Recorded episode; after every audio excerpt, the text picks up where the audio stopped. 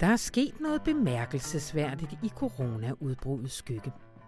Fællesskabet, der ellers jo ikke lige frem har været i høj kurs hos erhvervseliten i de seneste årtier, er pludselig blevet som en kær gammel ven. Erhvervslivets organisationer de flokkes i disse dage om finansministeren med lange ønskelister om hjælp fra staten. Pelle Dragsted, tidligere politisk rådgiver og folketingsmedlem for Enhedslisten, er i dag fast klumist her på avisen, og han håber, at den erkendelse også overlever på den anden side af krisen. Jeg ringer til ham og hører, hvad han har at have det håb i. Velkommen til Radio Information, sendt her fra Sankt Anna Passage, hvor jeg sidder stort set i ensom majestæt. Jeg vil derfor gå Skype-stuegang blandt vores korrespondenter, Øh, ja, dog uden andre remedier end to ører og a whole lot of love. Mit navn er Anna von Sperling. En af dem, jeg ringer til, er Jakob Illeborg, der sidder i London. Og han har nyt fra Boris Johnsons slingerkurs, hvor den kølige britiske pragmatisme kun kunne holde til så meget kritik. Og så ringer jeg til vores Asien-korrespondent Lasse Karner, som sidder trygt og godt i Singapore og faktisk ikke savner Danmark det fjerneste. Den lille ø-stat, der jo længe har været berømt for monsterbøder for at spytte på gaden, har nemlig haft succes med at inddæmme coronasmitten. Alt imens livet faktisk er fortsat nogenlunde normalt imens. Og hvad er det lige, der sker for Kinas informationskrig? Og så ringer jeg til vores chefredaktør Rune Lykkeberg. Han er bænket på Vesterbro, og han har, hold fast, intet mindre end tre opture til os i denne uge. Hvad der dog er mindre optimalt, det er lydkvaliteten. Den kommer nok desværre til at svinge en hel del igennem programmet, da vi jo ikke rigtig har fået sat øh, fuldstændig gennemprøvet fjernstudier op i alle køkkener. Det håber jeg virkelig, at du tilgiver os. Til gengæld så lover vi dig en masse perspektiv og a whole lot of love. Rigtig hjertelig velkommen til.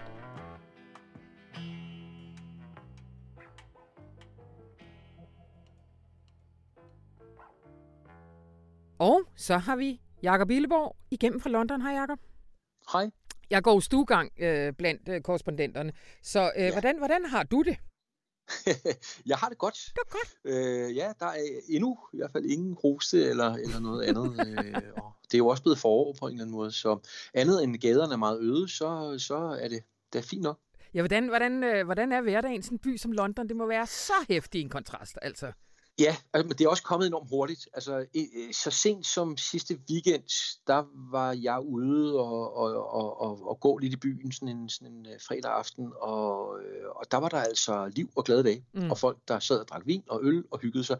Ikke lige så voldsomt som, øh, og tæt, som det plejede at være, men det kunne være sådan ligesom London på en feriedag. Ja. Sådan er det ikke, sådan er det ikke mere.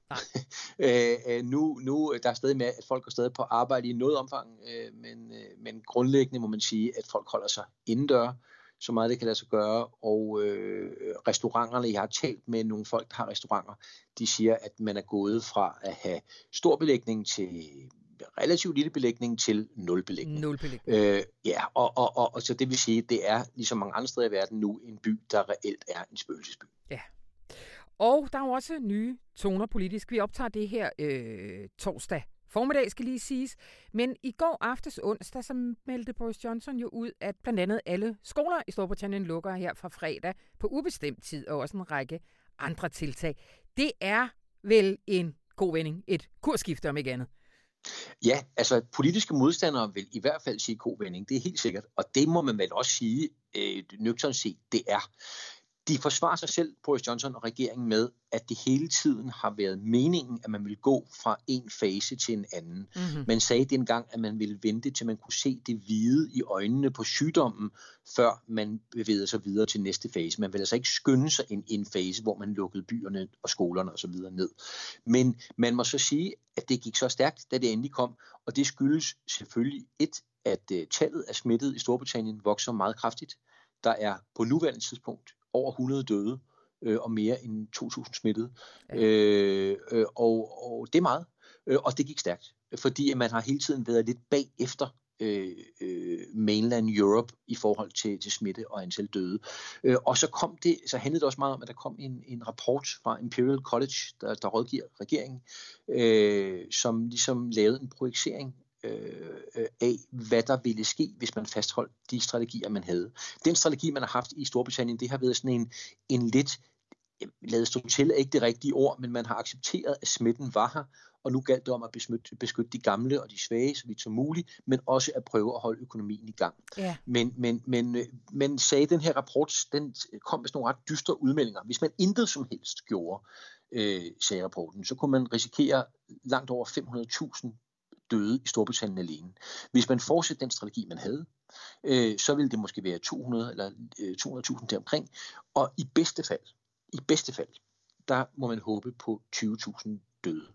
Og det var jo noget, der fik folk til tabe kæben, og også derfor gjorde, at man skyndte sig videre til næste fase, som altså er den, vi befinder os i nu, der blandt andet handler om skolelukninger, øh, der handler om social afstand, som, som man også kender det i Danmark, mm. øh, øh, og handler om i virkeligheden at prøve at undgå at se sine, for, sine bedstforældre, forældre og, og alt muligt andet, og prøve at passe på hinanden og sørge for, at der ikke er, du ved, der har jo også været fodboldkampe og sådan noget herovre indtil for ja. øh, øh, spillet med, med, med tilskuere på koncerter. Det er der ikke mere.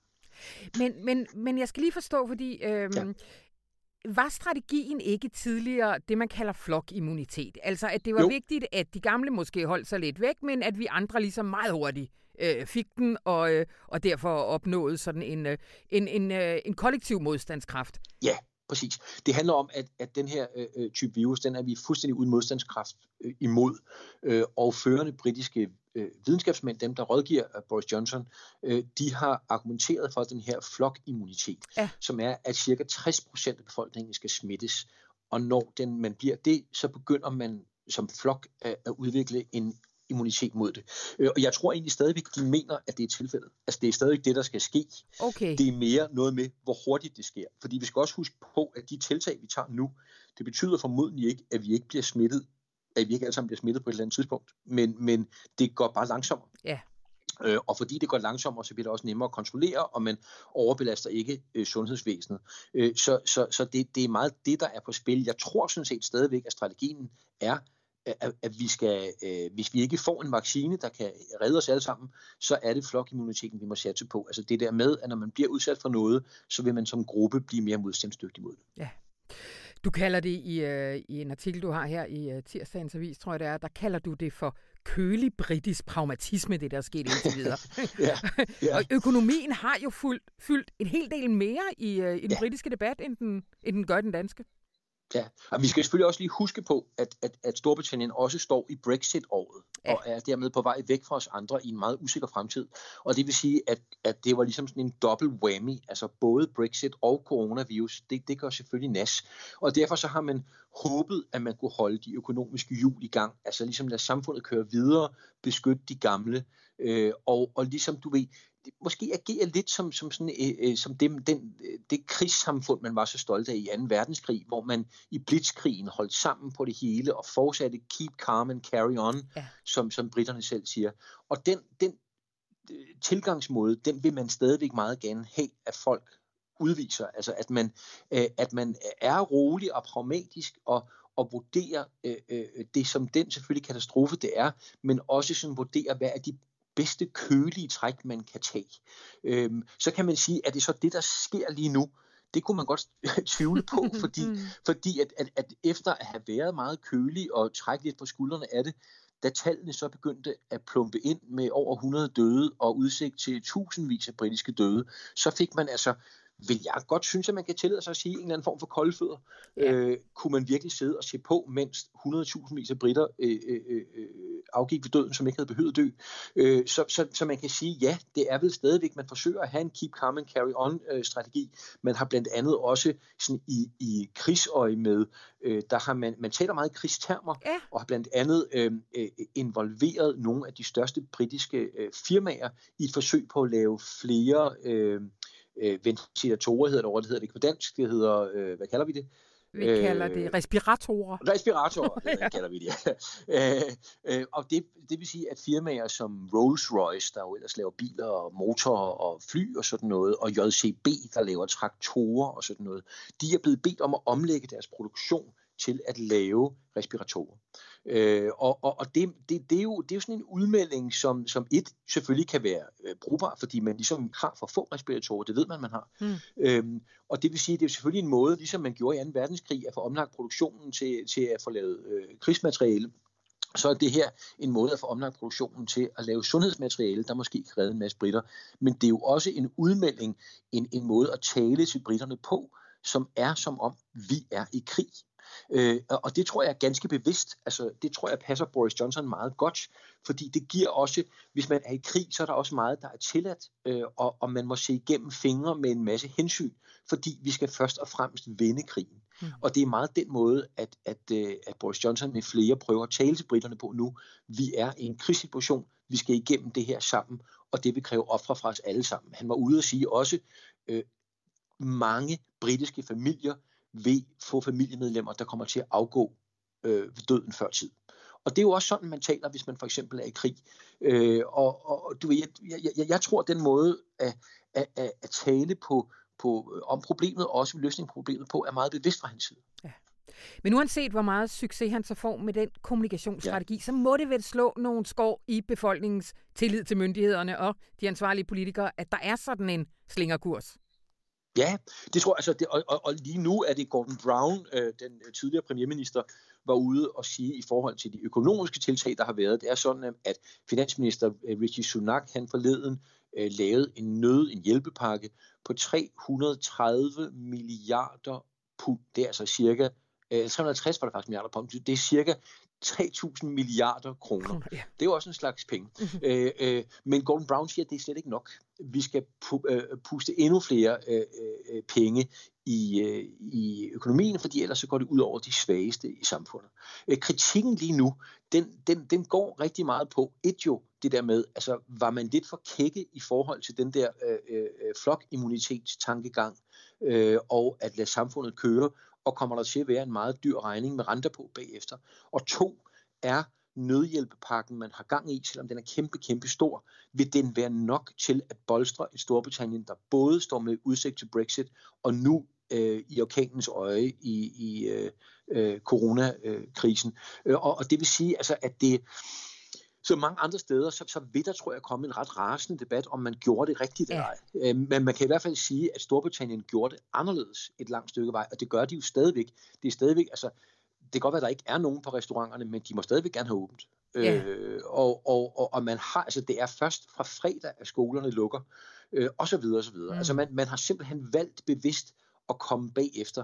Og det er klart, at, at når, når øh, britterne sidder og læser internationale aviser, øh, eller hører, hvad der foregår andre steder, så tænker de, jamen, hvad er der gang i? Altså, og det afspejler øh, meningsmålingerne også, ikke? Du refererer en ja, jo, det gør det. Det gør de absolut. Altså, der, der, har, der var, var umiddelbart meget stor tilslutning til Boris Johnsons Keep Calm and Carry On-strategi.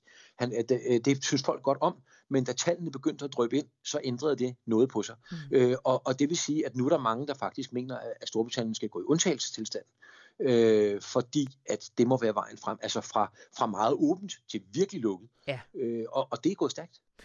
Lige før jeg slipper dig, øh, du skriver en artikel her i øh, er det torsdagens avis omkring udsigterne til en vaccine. Kan du ikke lige... Ja. Altså, det udvikler sig jo hele tiden, det må vi jo ja. sige. Men, men lige nu, som ja. vi sidder her torsdag, hvordan, hvordan ser det ud ude i verden? Ja, man skal starte med at sige, at, at, at jeg vil først sige, at det ser spændende ud, mm. men jeg, man skal også starte med at sige, at det ikke lige nu. Altså, hvis alt går godt, så taler vi om et år, måske ovenkøbet lidt mere. Men grundlæggende, så er der øh, forsøg på mennesker med vacciner i gang flere steder. I USA er der blandt andet, i London skal der til at starte et, øh, og der er også andre steder i verden, hvor man vil begynde at eksperimentere med vacciner. Man har, man har øh, gjort nogle tierspring øh, allerede fra januar til nu, ved at få, øh, at, at få lavet vacciner, som de firmaer, der fremstiller dem, øh, altså mener virker. Øh, og nu skal de så igennem nogle faser. Først hedder det en fase 1, man har faktisk helt tilsidesat dyreforsøg, det plejer man at gøre først, det har man tilsidesat. Nu ryger man ind i et fase 1, hvor man prøver det på ganske få mennesker, det kan være 20 eller 40 eller sådan noget.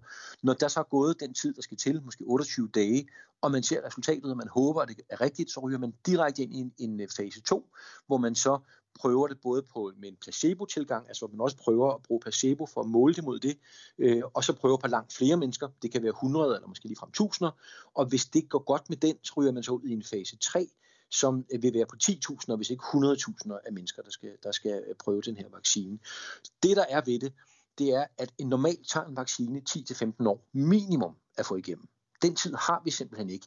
Øh, de folk fra Imperial College, der kom med de der store advarsler om, hvad der ville ske, hvis man ikke man ændrede kurs, de sagde også, at vores egentlige håb, som det er nu, det er gennem vaccine, altså der bliver lavet en vaccine. Så man satser rigtig, rigtig meget på det. Øh, og der er altså gode vinde med på den måde. Øh, og det er muligt, at de vacciner, øh, der er bliver prøvet nu, faktisk vil virke. Vi kan bare ikke rigtig komme til at bruge dem alle sammen før tidligst øh, om et år. Okay. Så er der så en, en, en anden lille god ting, man må håbe på, det er, at allerede eksisterende medicin ser i forskellige blandingsøje med, der er både noget malaria-medicin og noget HIV-medicin, som man, som man eksperimenterer med. Og det ser altså ud til, at det i hvert fald på nogen, og måske ovenikøbet på relativt mange, har en effekt. Så, der, så midt i det her mørke, mørke, underlige øh, øh, sted, vi befinder os, der er der altså en eller anden form for lys for enden af tunnelen. Det er bare, hvor hurtigt vi kommer hen til det lys. Ja. Lad os slutte der. Jakob Billeborg, tusind tak. Selv tak.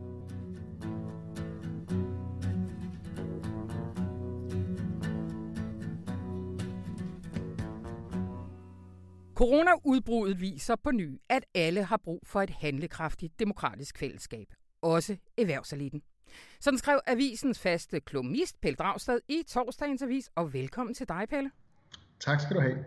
For første gang i Radioinformation. Og jeg har glædet mig så. Hvorfor er jeg ikke blevet inviteret med før? Jeg ved det. Ej, du har havet mig på alle platforme. Men faktisk helt i, øh, i tråd med det, vi skal tale om i dag, så kommer der jo noget godt ud af øh, selv ikke særlig behagelige situationer. Fordi, Pelle, din pointe i den her uges avis, det er jo, at erhvervseliten på linje med alle os andre må indse, at vi har brug for fællesskabet. Kan du ikke lige øh, uddybe det? Jo, altså man kan jo ikke lade være med midt i den her lidt, øh, eller meget sørgelige situation, og, og, og lægge mærke til det her lidt bemærkelsesværdige, at, at mens erhvervslivet jo i mange år har haft meget travlt med ligesom at beskrive fællesskabet og det offentlige og den offentlige sektor og staten som sådan en, en tung møllesten, der ligesom tynger det her øh, produktive, øh, entreprenante erhvervsliv øh, ned i sølet, øh, så lige pludselig ser vi altså en situation, hvor de samme repræsentanter fra erhvervslivets øh, organisationer og store virksomheder ligesom flokkes om, om finansministeren og erhvervsministeren med, med lange ønskelister om, om statsstøtte og, og hjælpepakker. Og, og det er en, en person som, som Brian Mikkelsen for eksempel, som jo har brugt det meste af sit politiske liv til at erodere skattegrundlaget for den her fælleskasse. Han er, han er nu ude at sige, at virksomheden de skal have 100% kompensation for, mm. for deres tab.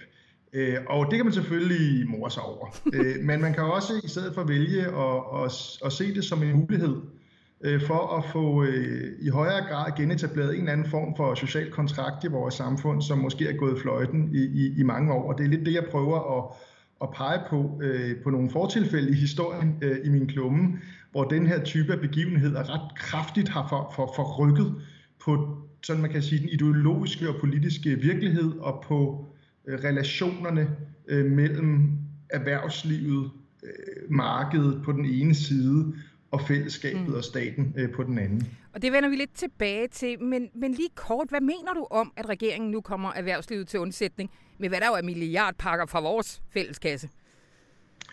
Jamen det synes jeg er klogt øh, og, og ansvarligt, øh, og øh, mine kollegaer inde i Folketinget, min ekskollega fra Enhedslisten, har jo også været meget, meget aktiv i at få, få være med til at udforme særligt den øh, seneste pakke, som, øh, som blev fremlagt torsdag. Øh, og øh, og det, det er helt nødvendigt. Alternativet er jo, at vi simpelthen vil få en, en, en, en helt vanvittig hurtig opbremsning i økonomien, som vil gøre 10.000 og måske 100.000 arbejdsløse. Så, så det er nødvendigt. Jeg kunne godt øh, ønske mig, øh, jævnfør det med den sociale kontrakt, at man i de her øh, pakker øh, stillede nogle flere modkrav til virksomhederne. Ja. Altså en helt, et helt oplagt modkrav er jo, at de skal stoppe med at udbetale nye udbytter til deres øh, aktionærer, sådan som en række store banker har planer om at gøre. Det er jo, det er jo helt grotesk, hvis at på den ene side, så fører vi fælleskasses midler ligesom i, med, en, med et rør ind i den ene side af virksomheden, og så øh, sidder der et lille rør ude i den anden side, der hælder det ud til, til udbytte til aktionærerne. Så der, der havde jeg godt ønsket mig, at, at nu vi har en socialdemokratisk regering, at man havde haft lidt flere nosser til at stille den slags krav. Øh, og kommer der større øh, hjælpepakker ude i fremtiden, og det tror jeg, der gør, altså ja. egentlig bailouts til, til, fordi, og det kan vi vende tilbage til, hvis vi har tid. øh, jeg tror, der er en stor sandsynlighed for, at den her øh, coronakrise ligesom vil forvandle sig til en meget mere dyb øh, øh, økonomisk og også øh, krise i finanssektoren, fordi bankerne bliver nødt til at nedskrive en masse af deres aktiver. De vil få brug for hjælpepakker, og der tror jeg simpelthen, at vi allerede nu skal til at snakke om, hvordan sikrer vi denne gang, i modsætning til krisen øh, i 2008-2009, at øh, vi ikke bare går ind og redder bankerne, og så bagefter øh, altså tager tabene, og så lader dem løbe med hele overskuddet, sådan som vi har set det de seneste år. Øh, det er vi skal drøfte det, der hedder upside-modeller, altså modeller, hvor staten går ind og får et, øh, et medejerskab til gengæld for øh, de her redningspakker. Ja, og lad os da øh, lave en aftale med det samme om, at vi vender tilbage til det i en af de fremtidige radioinformationer. Jamen altså, det ser jeg allerede frem til. Godt. Du skriver i din klumme, at det her det stiller skarpt på elitens paradoxale forhold til fællesskabet. Kan du ikke uddybe det? Jo, altså det er jo det her med, at øh, der er jo et, altså hele sådan den her nyliberale epoke, vi har været i, den er jo ligesom gået ud på at skabe den her illusion om, at man har ligesom et politisk felt, som er regeringen og de demokratiske institutioner, så har man sådan et, et helt uafhængigt økonomisk øh, øh, felt, som ligesom er markedet, mm. og jo mm. mindre staten ligesom blander sig og bare overlader det til markedskræfterne, øh, jo bedre øh, for, øh, for os alle sammen. Øh, det har altid været en illusion. Der er ikke noget, der hedder et frit marked. Altså hele markedet er i sig selv politisk. Øh, hvordan det reguleres, hvilke dele af vores økonomi, som er omfattet af markedskræfterne, hvilke der ikke er, det er altid et, et politisk felt. Men, men det, der er det helt paradoxale her, det er jo selvfølgelig øh, det her med, at øh, man har skabt det her billede af, at det er det private erhvervsliv, der understøtter staten mm. og fællesskabet.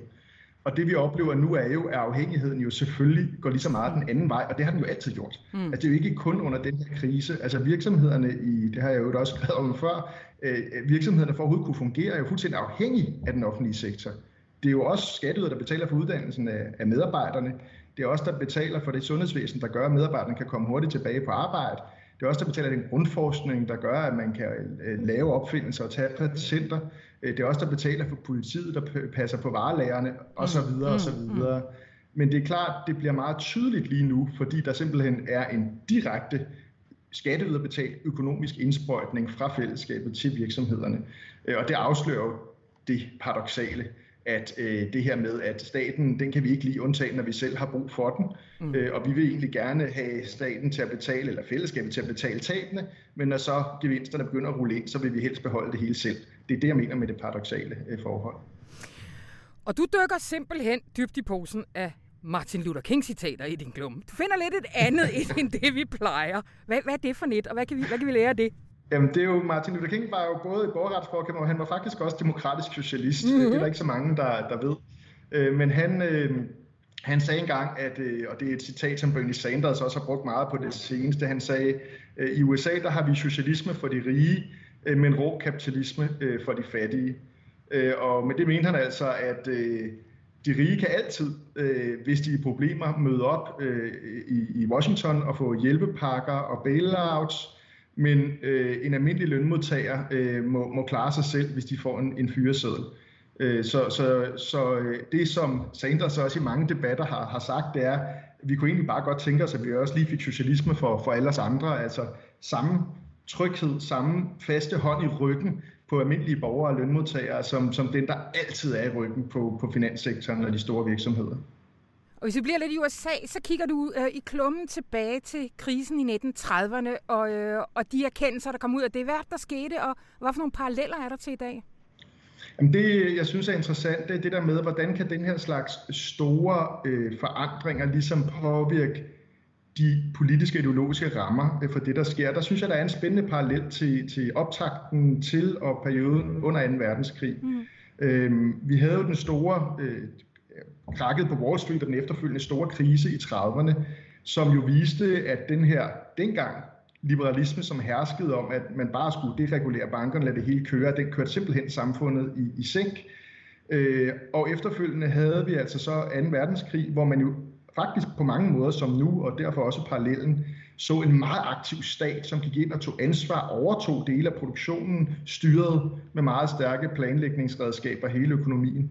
Og det, der er interessant, øh, det er, at i de tre år, årtier efter 2. verdenskrig, der oplever Europa og USA jo altså det her gyldne øh, tre årtier, øh, som øh, med, med unik øh, høj øh, velstand og vækst, og hvor, hvor man simpelthen opbygger de her velfærdsstater, øh, i USA med, med New Deal-politikken, øh, og i Nordeuropa jo blandt andet med vores egen skandinaviske øh, velfærdsmodel, hvor man altså nedbringer uligheden mellem klasserne markant. Man udbygger en offentlig sektor, som jo i dag stadigvæk udgør cirka hver tredje af os går på arbejde i den offentlige sektor. Det er jo der, grundlaget for den her model bliver skabt, og det gør den jo, fordi man har gjort sig nogle erfaringer. Dels har man set, hvordan det her uregulerede marked er en alt for stor trussel mod øh, almindelige mennesker, øh, og dels har man altså under krigen øh, fundet ud af, at staten faktisk kan spille en, en både god øh, og magtfuld fuld rolle i økonomien til fordel for det brede, øh, for det brede flertal. Øh, og det, øh, jeg synes, man kan håbe på, og som jeg i hvert fald også gerne vil arbejde for, det er jo, at samme erkendelse øh, vil indfinde sig øh, igen øh, under den her krise. Altså at vi på den ene side igen får afsløret øh, hulheden i de her argumenter og det her fortegnede billede af den her, øh, fri, det her frie marked, der klarer sig, be, sig selv bedst. Men også at vi jo lige nu får nogle meget stærke erfaringer med, hvad en stat kan. Mm. Altså det er jo helt utroligt. Altså den, den, det største offer, om så må sige, politiske offer for den her coronavirus, det er jo austeritetspolitikken, austerity-politikken. Mm. Den er jo simpelthen død. Ja, Alle selv i Tyskland. Op. Altså hele den der, hvor skal pengene komme fra, som vi har fået smidt i hovedet i mange, mange år, jamen altså, den er pludselig fuldstændig væk. Fordi at, øh, og det har, det har altid også været noget vrøvl, fordi staten kan sådan set ikke løbe, løbe tør for penge, og i nedgangstider så er det en rigtig god idé at bruge penge. Øh, det var det, vi også skulle have gjort under sidste krise. Så vi står på vej ind. Gjorde vi allerede inden coronakrisen ramte, men vi står på vej ind i et nyt paradigme, ja. øh, og, og jeg tror, at det kun vil blive forstærket af de erfaringer, som vi gør os under den her krise med, med en større politisk styring, øh, og, øh, og med øh, en større, hvad kan man sige, fokus på øh, den gensidige afhængighed, der er mellem fællesskabet og erhvervslivet. Mm. Her til sidst, Pelle, nu, nu nævnte du den seneste øh, økonomiske krise. Det bliver jo nævnt mange gange, finanskrise, finanskrise ikke. Hvad, hvad mener du af parallellerne? Hvad er forskellen fra det, vi kommer ind i nu, og så 2008 og, og efterspillet? Jamen, den krise, vi er i nu, må man ligesom dele op i, i to faser. Altså, der er jo, det er jo helt klart, at der er en krise lige nu, som handler om, at vi har en global pandemi, øh, som ligger... Øh, ligesom samfundet ned. Men, men det er vigtigt at huske, og det kan man også læse i en klumme, jeg har skrevet for ikke så lang tid siden, øh, at, hvad hedder det, at allerede inden der var noget, der hed coronavirus, så så man allerede, altså ledende økonomer, IMF og andre sagde, at vi er på vej mod en global recession. Der var nogle meget store ubalancer øh, bygget op i økonomien, nogle meget store bobler på aktiemarkedet og boligmarkedet. Og, og det problemet er ligesom, at den her coronakrise også sætter gang i den udvikling. Altså den katapulterer en i forvejen meget bekymrende udvikling. Så derfor har vi aktuelt en coronakrise, men når vi ser bare nogle måneder frem, så ser vi formentlig ind i en meget mere grundlæggende økonomisk krise og krise i finanssektoren. Øh, og, og der er der en fuldstændig parallel til sidste krise, fordi det er den samme form for usikkerhed, der er blevet bygget op. Det er den samme form for manglende regulering af finanssektoren, den samme form for det, man kalder på engelsk extractive capitalism, altså det med, at man hele tiden prøver at tømme selskaberne for værdi, i stedet for at skabe sunde virksomheder, der investerer i realøkonomien.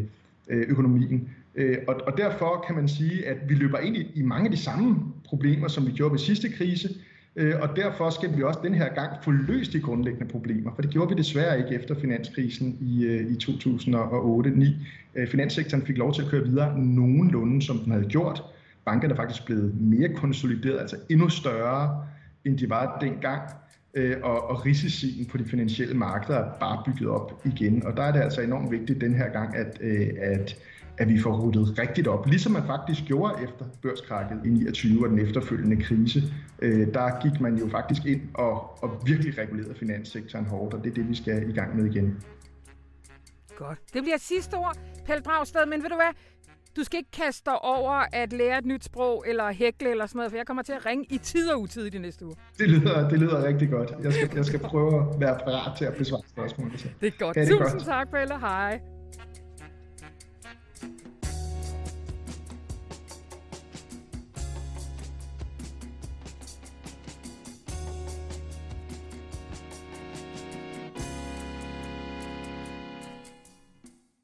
Så har vi Lasse Karner, vores Asien-korrespondent, igennem fra Singapore.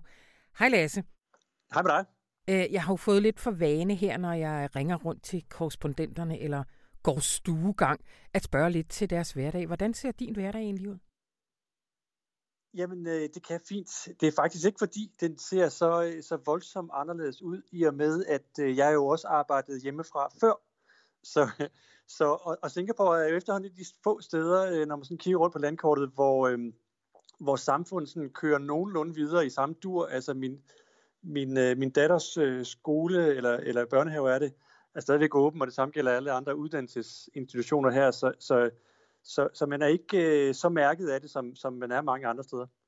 Og vi vender tilbage til, øh, hvorfor det faktisk er lidt utroligt, at øh, hverdagen fortsætter så relativt øh, uhindret, men at de har fået rigtig meget styr på smitten. Men lad os lige vende tilbage til, øh, det så jo relativt sort ud for Singapore også i slutningen af februar. Ja, det er rigtigt. Altså Singapore var i en periode det sted, hvor der var flest tilfælde, altså flest øh, smittede, registreret smittede uden for Kina. Og, øh, og, og det, det skyldes sådan set, at man var meget hurtigt ude med at, at lede efter de her tilfælde. Ja. Og nu skal jeg måske lige prøve at, at, at sætte et, et perspektiv. Ikke? Altså Singapore er, eller var et meget udsat område i forhold til at, øh, at fange øh, den her smittefare, fordi at der kommer så enormt mange kinesiske turister til byen blandt andet, og, og det var jo lige op til, øh, til kinesisk nytår, hvor der er en, en hel masse rejseaktivitet ud af Kina. Og, og derudover så er det jo en, en, en, en, en hovedsageligt etnisk kinesisk lille enklave, vi har her. Mm. Så der er en hel masse forretningsforbindelser frem og tilbage. Og, og det betød, at, at, at den her periode, der var nogle uger, ikke, hvor, hvor Kina mildest ikke var særlig god til at, at, at få, få kigget på, hvad det egentlig var, der skete nede i, i Wuhan. Så der var en masse folk, der rejste ud i den periode. Og det vil sige, at i starten, før man, man helt var med på, hvad det var, der foregik, øhm, så nåede der jo at, at rejse folk til, til blandt andet Singapore. Ikke? Og, ja. og det gjorde, at der var en, en periode, der, hvor, der, hvor der var en hel del øhm, folk, der, der, øhm, der kom til med smitten, og, øhm, og de blev så fundet og isoleret øh, på, på ret effektiv vis. Ja. Og hvad, og hvad har, øh, hvad har øh, de Singa, hvad, hvad, hvad, hvad siger man? De singaporske, hvad, hvad siger man? Jeg tror, man siger singaporianske singaporianske myndigheder. Øh, hvad har de så gjort? Jamen, de har gjort det, at de først og fremmest var ret godt forberedt. Mm. Øh, fordi når man sådan kigger på nogle af de steder, som, som har været gode til at håndtere det her, det vil sige hovedsageligt Hongkong, Taiwan, Singapore, så er det de steder, som blev forholdsvis hårdt ramt af for eksempel SARS tilbage i 2002 og 2003, som, som, øh, som ikke øh, gik stille af sig i, i de her egne, og hvor hvor man ligesom bliver opmærksom på, at det kom lidt som et chok, ikke? at man ikke, ikke havde øh, de rigtige strategier, og man var ikke forberedt til den øh, kæmpestore indsats, der skulle til. Og det vil sige, at man fik udarbejdet nogle, øh, nogle kriseberedskaber, som var, øh, var en helt anden standard, og, og som man, man har holdt ved lige siden. Der har også været andre epidemier, andre influenzaudbrud af forskellige slags, som man, man ligesom har fået testet det af, hvordan det virkede. Og det har fungeret øh, ret godt. Så det vil sige, her i, i Singapore, for at kigge på det. Øh, der har man så for eksempel haft sådan en, en farveinddeling, hvor man, øh, hvor man går fra grøn til gul til orange til, til rød, mm-hmm. og vi er, vi er nu i, i orange. Og det man, det, man har gjort fra starten af, det er, at man, som jeg var inde på før, har været, været meget hurtigt til at, at finde tilfældene og, og simpelthen øh, få dem til at skrive ned, helt ned i på minutbasis, øh, hvad de har lavet, hvor de har været henne, hvem de har mødtes med, mm-hmm. og så dele de her informationer meget, meget øh, offentligt, og, og så bruge politiet og andre offentlige myndigheder til at, øh, at finde de folk, som har været i kontakt med de her smittebærere, så man, man hurtigt ligesom har kunne sætte ind.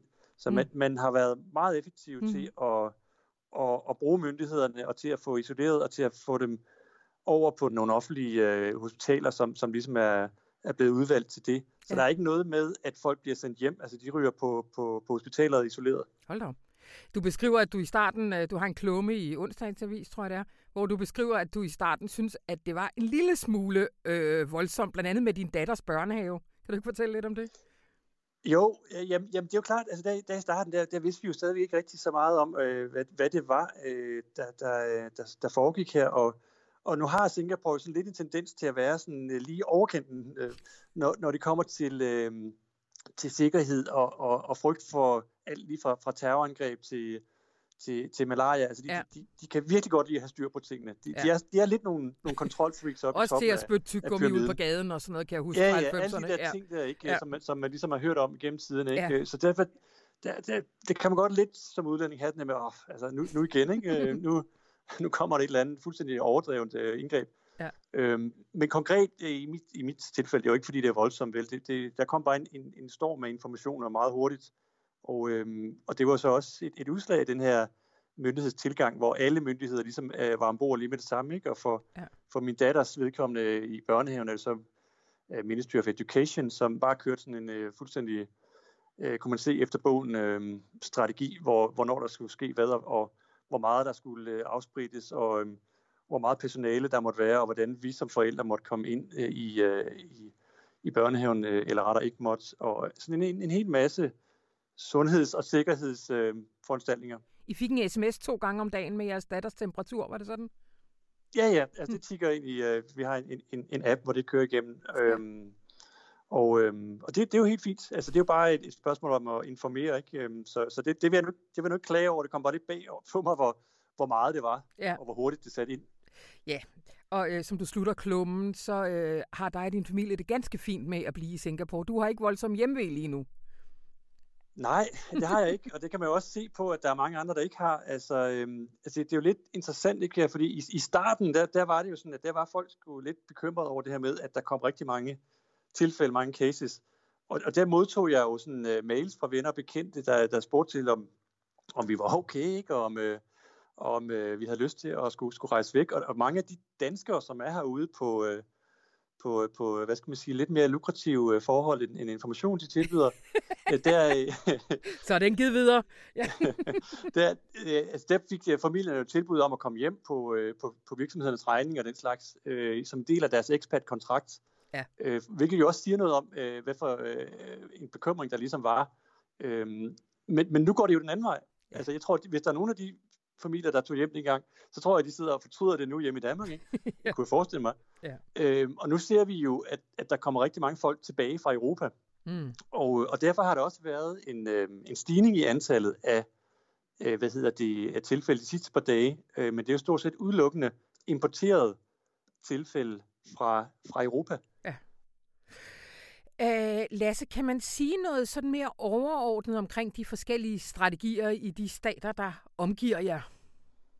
Ja, altså det kan man godt, men, men, men jeg synes, som jeg var inde på, så er det vigtigt at have med det her, at, at de, de lande, som ligesom var, var hårdt ramt af SARS, der kan man tydeligt se, at de har været, de har været, de har været mere klar på, hvad der var, der kom. Jeg tror, Taiwan var nogle af de første til at, at sætte ind øh, allerede inden det første, øh, det første smittetilfælde i Taiwan der var de i gang med at, at sætte en masse foranstaltninger ind.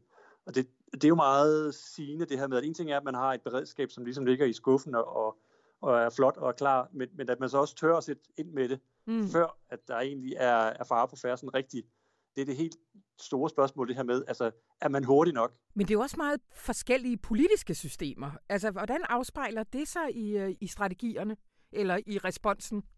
Igen, så, så vil jeg sige, hvis, hvis man for eksempel sammenligner med, med Taiwan, som er øh, et helt frit demokrati, ikke? Og, og så Singapore, som er lidt en, øh, sådan en mellemting, men, ja. men heller over, over imod etpartistaten, og så, og så Kina, ikke? Hvor, du, hvor du har den, den helt totalitære styreform, øhm, så, så er det jo klart, at, øhm, at de steder, hvor, hvor det har fungeret bedst, altså det er der, hvor der både er, er det her beredskab, som jeg er inde på, men også hvor der er en stat, som folk stoler på, mm. hvor man ligesom er, er, er med på, øh, at de informationer, der kommer, dem kan man stole på. Ja.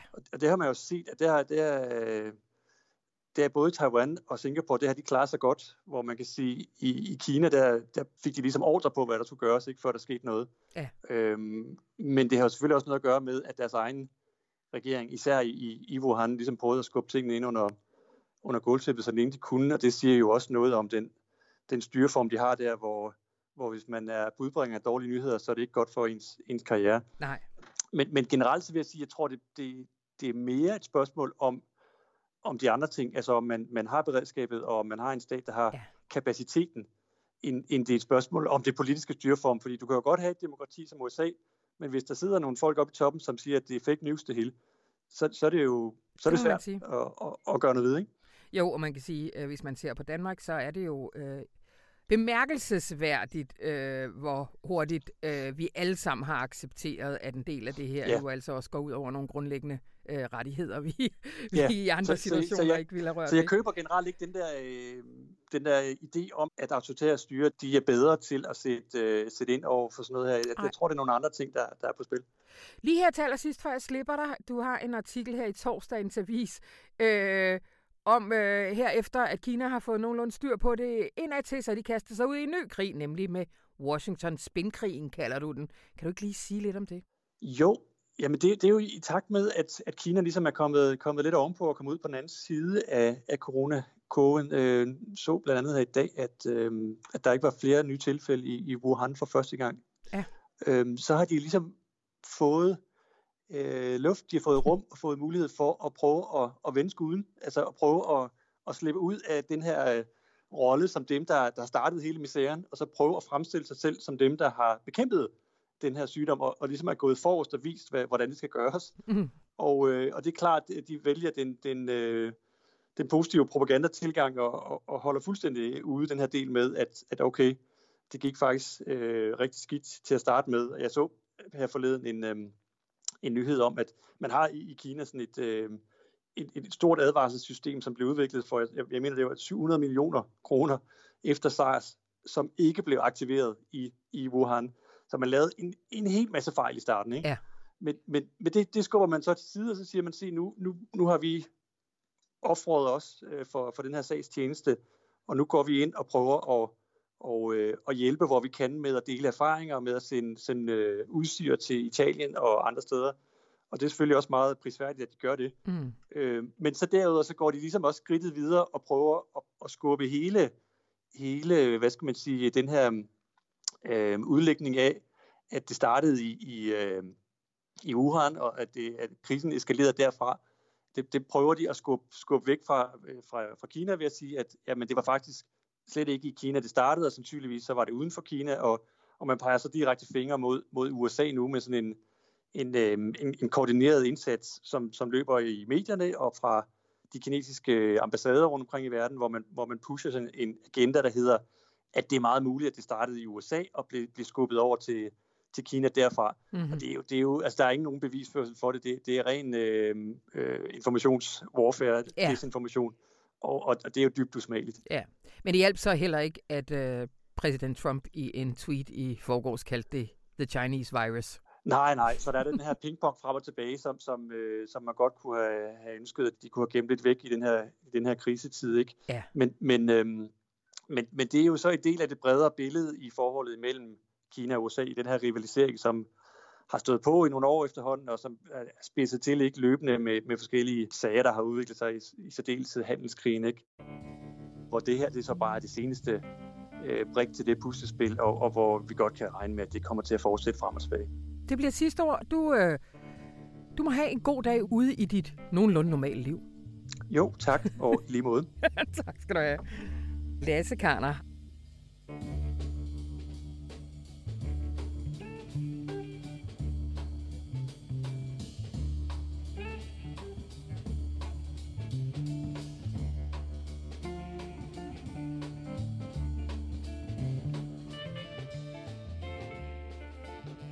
Hej Rune. Hej Anna. Nu skal du jo ikke, bare fordi du er chefen, snydes for lidt love fra Dr. Sperling, vel? Så jeg starter lige min stuegang her, ikke? Hvordan har du det, Rune? Jeg har det fuldstændig strålende. Jeg kan sige det som det er. Jeg er aldeles symptomfri. Godt. Øh, men, som man kan høre, så sidder du ikke her i Storkongensgade lige nu. Du er derhjemme. Ja, og det er fordi min kone muligvis har haft corona. Ja. Og muligvis ikke. Men derfor har hun været selvisoleret i en periode. Og af hensyn til arbejdspladsens ved jeg vel, så har jeg så også, og, og verdens ved jeg vel, så har jeg så også øh, ligesom holdt mig hjemme fra arbejde her den sidste uges tid. Yes. Så jeg sidder hjemme på Vesterbro, men som sagt, så er min kone rask, og mine børn er raske, og jeg er symptomfri, og jeg synes, det er fantastisk vejr. Godt. Og det er jeg glad for, fordi i sidste uge, de lyttere, der øh, var med der, kan huske, at vi kunne ikke rigtig lave en optur. Vi var lidt ja, rystet og lidt usikre fuldstændig som resten af verden. Men jeg kan bare mærke, at jeg den her gang har brug for, at du leverer en optur. Kan du, kan du, kan du se nogen? Jeg tror faktisk, du kan få tre opture. Hvis Godt. vi starter allermest nære, ja. så synes jeg, at stemningen her omkring, hvor jeg selv bor på Vesterbro, har været utrolig god. Og den har været en lille smule sådan på gaden og på shawarma-baren og i kiosken. Der har den været ligesom jeg forestillede mig, at den var øh, under oliekrisen, eller måske endda under besættelsen, sådan folk går og nikker til hinanden og siger, okay, vi er i det her sammen, og vi skal nok få ramt på de der svin. Mm. Altså, vi er gode til at holde de der to meters øh, afstand, men jeg synes, der er sådan et civilt sammenhold, og sådan en, øh, der er en samhørighed og en glæde ved at være i det her sammen, og en tro på det her, det skal vi sgu nok klare, som mm. på en eller anden måde falder sammen med foråret. Så det, jeg havde håbet på, det var, at coronakrisen ville fremkalde det bedste i det danske fællesskab, og det synes jeg, det har gjort. Ja. Jeg elsker at gå ud, og jeg er glad for, at vi stadigvæk kan gå ud. Optur. Det er den nære. Ja. Så har vi den næste optur, som er på mellemdistancen, kan du sige, og det er, at jeg synes, at der, der har er været sådan en genopdagelse af en gammeldags offentlighed. Sådan noget oplysning til borgerne om samfundet. Mm. At Sundhedsstyrelsen har sådan nogle faktaindslag på P4, og, og der er sådan en, nu skal vi høre, hvad der er galt, -agtig. Der er en offentlig samtale, som underbygger fakta, og som ikke er så meningspræget, og som ikke søger de mest afsindige, polariserede, ekstreme synspunkter, men som faktisk er en genuin efterforskning af viden. Og det er ikke en autoritær efterforskning af viden, fordi samtidig bliver de jo også kritiseret. Man spørger, hvorfor det tog Sundhedsstyrelsen lang tid at opdage det. Men den offentlighed, som er nu i Danmark, synes jeg minder om den, der var i min barndom, plus at vi har det anti-autoritære med. Det vil sige, at det er folk, der ved noget, som taler, og de bliver udfordret på deres viden, men de bliver ikke udfordret på alle mulige tåbelige meninger. Så på en eller anden måde synes jeg også, at vi har fået en mere oplyst, diskuterende offentlighed ud af det. Mm. Og så den tredje optur, den er, at alle de regler, der har været, som har begrænset vores økonomiske handlekraft, er på meget kort tid suspenderet. Altså EU har jo haft den her stabilitets- og vækstpagt, der faktisk fratager landene finanspolitisk suverænitet. Det betyder, at du må ikke investere meget stort i infrastruktur eller lave meget store satsninger, som kan bringe folk i arbejde, hvis, det, hvis du får for store offentlige underskud. Og alt det, det er jo forsvundet. Altså det, er for, mm. det er forsvundet på en 3-4 dage. Alle de regler, som har været for at begrænse inflation og for at sikre markedernes tillid, de er forsvundet, så man ser nu både i Danmark, men jo også i, i USA, nogle offentlige investeringer på en helt anden skala end før. Og jeg synes det med, at vi får finanspolitikken tilbage, og der er en social kontrakt i den type finanspolitik, som øh, giver en enorm politisk frihed. Så det er faktisk hele tre opture. det, var, det var meget mere, end jeg bedte om. Tusind tak, Rune Lykkeberg. Jeg øh, ringer til dig i næste uge, og der vil jeg sikkert også bede om en optur. Men jeg vil også sige, i den her situation, der er du fri til at sige, ej, den her uge, Anna, der har jeg skulle lige øh, lidt nederen over det her? Jamen, jeg har, en, jeg, jeg har to nedture om året, ikke? Du har to nedture om året, det er rigtigt. Har du brugt, ja. nogen, i, har du brugt nogen i 2020? Det tror ingen, jeg ikke. Ingen brugt i 2020. Nej, men, men jeg synes indtil nu, synes jeg faktisk, at, øh, at det er selvfølgelig skræmmende, og og det er uoverskueligt, og vi kan godt lide at kunne bevæge os frit, men jeg synes, det har fremkaldt noget godt i de politiske systemer, mm. i civilsamfundet og i, i os. Hov, det får mig lige til at tænke på, jeg har et spørgsmål mere, fordi jeg har lige snakket med Pelle Dragsted, som, som synes umiddelbart optimistisk over, at vi den her gang måske også får nogle erkendelser med, som vi ikke fik med, for eksempel fra finanskrisen i 2008. Er det, hvordan, øh, er det, tror du noget af det her, det, øh, det bliver ved os på den lidt længere bane? Ja, det tror jeg, fordi at de problemer, der bliver udstillet i USA for eksempel, at du har 10% af befolkningen, som hvis de får kraft, så skal de gå fra hus og hjem. Altså mm. du har en tiende del, som er uden sundhedsforsikring og er enormt udsatte. Og forståelsen af, at det er en risiko for hele samfundet. Mm. Det, at der er nogen, som kan forblive syge og ikke kan blive behandlet, det er en risiko for hele samfundet den basale sociale kontrakt, som er blevet ignoreret i lang tid, bliver fuldstændig tydelig nu. På samme måde med, med EU, at, at der har været nogle meget, meget, meget, meget, meget stramme regler for, hvad du måtte gøre politisk, som kommer fra en gammel historisk baggrund, og de er væk nu. Mm. Altså, de er væk, og de, der går lang tid, før de, øh, før de kommer tilbage. Det vil selvfølgelig udvikle sin egen risici, men jeg mener meget af det, vi ikke fik ryddet op efter finanskrisen, at det bliver ryddet op nu, så, så ja, jeg tror, der er nogle blivende forandringer, et blivende nyt spillerum, og noget af det har haft brug for at blive brudt op i 10 år. Mm. Og så sidste ting, vi ved jo også historisk, at de meget store fremskridt, der er sket, er jo altid sket med udgangspunkt i en krise. Det er jo altid depressionen i 30'erne, der skabte New Deal, 2. verdenskrig, der skabte velfærdsstaten. Og der kan du sige, at i forhold til klimakrisen, der er coronakrisen jo relativt overskuelig. Mm-hmm. Så, så den fremkalder noget, som vi har haft brug for. Og på den måde tror jeg, at der er et meget stort progressivt moment i den. Men aller sidste ting, noget jeg hele tiden tænker på, det var det interview, som Christian Bennicke lavede med Fukuyama for nogle år siden, hvor han så blev spurgt om, Christian spurgte øh, Frank, som vi kalder ham, uh, hvad betyder egentlig politik? Og så sagde Francis Fukuyama, du kan se på 1930'erne, i Italien valgte de Mussolini, i USA valgte vi Roosevelt. Mm. Og det tænker jeg hele tiden, det er at det her, det, det kan blive både Mussolini og det kan blive Roosevelt på den anden side. Men jeg tror altid på, at Roosevelt vinder. Godt. Det var sidste ord for den her øh, uge, og vi øh, snakkes ved næste uge, Rune. Optur! Hej, optur. Hej.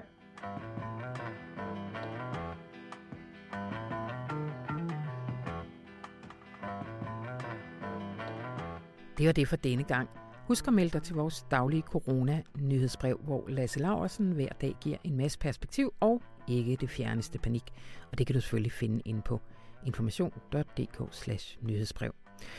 Og så en lille opfordring, fordi Dagbladet Information skulle jo gerne komme ud på den anden side af det her lige så stærkt, som den kom ind og levere en masse god journalistik i mellemtiden.